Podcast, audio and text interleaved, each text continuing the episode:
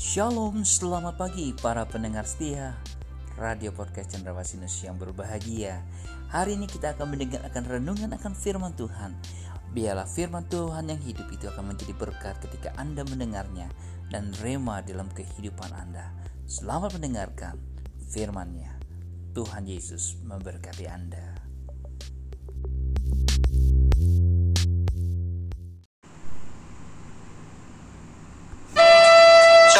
saudara yang dikasihi Tuhan, para pendengar renungan podcast di mana pun berada, saya berdoa saudara sekalian sehat-sehat saja dan tetap semangat. Percayalah dalam kondisi apa pun, Tuhan sanggup menolong, memberkati, dan meluputkan kita. Puji Tuhan. Firman Tuhan pada hari ini terambil dari Yosua 6 ayat 20. Lalu bersoraklah bangsa itu sedang sangkakala ditiup Segera sesudah bangsa itu mendengar bunyi sangkakala, bersoraklah mereka dengan sorak yang nyaring. Maka runtuhlah tembok itu, lalu mereka memanjat masuk ke dalam kota, masing-masing langsung ke depan dan merebut kota itu. Meruntuhkan tembok persoalan. Saudara yang dikasih Tuhan, bagaimana kita bisa meruntuhkan tembok Yeriko di dalam kehidupan ini? Tembok Yeriko berbicara dengan tembok persoalan, berbicara dengan berbagai masalah, berbicara dengan berbagai krisis yang terjadi dalam kehidupan kita. Hari ini kita mau belajar dari kebenaran firman Tuhan yang terambil dari Yosua 6 ayat 20 di mana bangsa Israel boleh merobohkan tembok Yeriko. Saudaraku, tidak ada jalan lain selain kita harus mengikuti perintah Tuhan seperti yang dilakukan oleh orang-orang Israel. Ketika Tuhan memerintahkan mereka untuk mengelilingi tembok Yeriko selama tujuh hari berturut-turut, mereka mau taat. Sekalipun perintah itu tak masuk akal,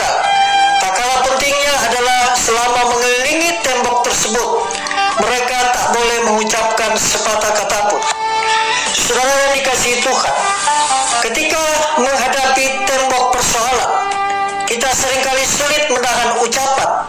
Kita cenderung mudah sekali mengucapkan perkataan-perkataan negatif, mengeluh, mengomel, dan bersungut-sungut.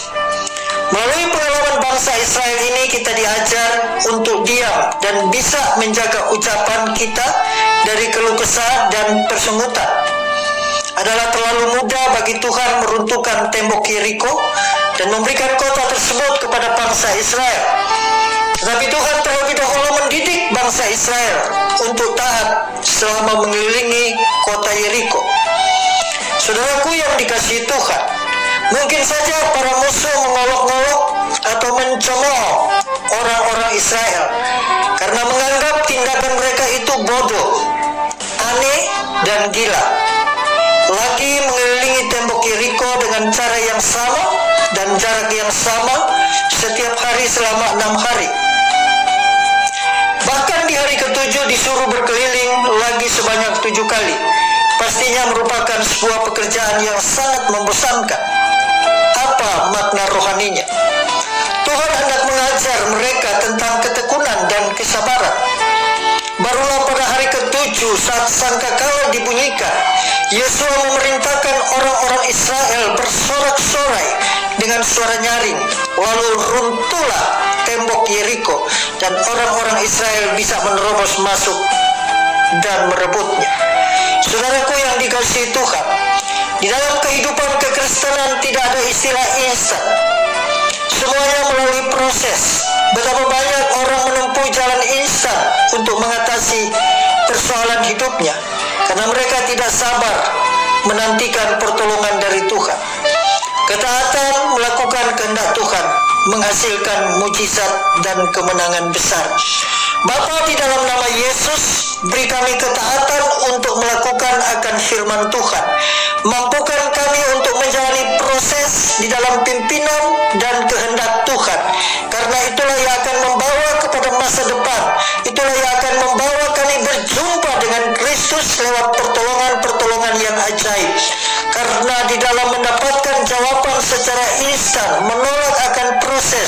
Seringkali kami lebih banyak mengalami persoalan demi persoalan.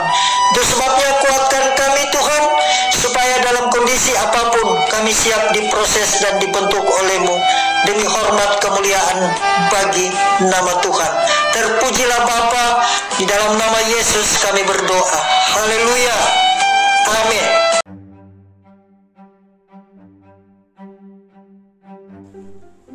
Terpujilah bagi nama Tuhan Melalui renungan hari ini, Anda diberkati Tuhan. Dalam suka maupun duka, di atas gunung atau di lembah, dalam tangis ataupun tawa, dalam berkat maupun percobaan.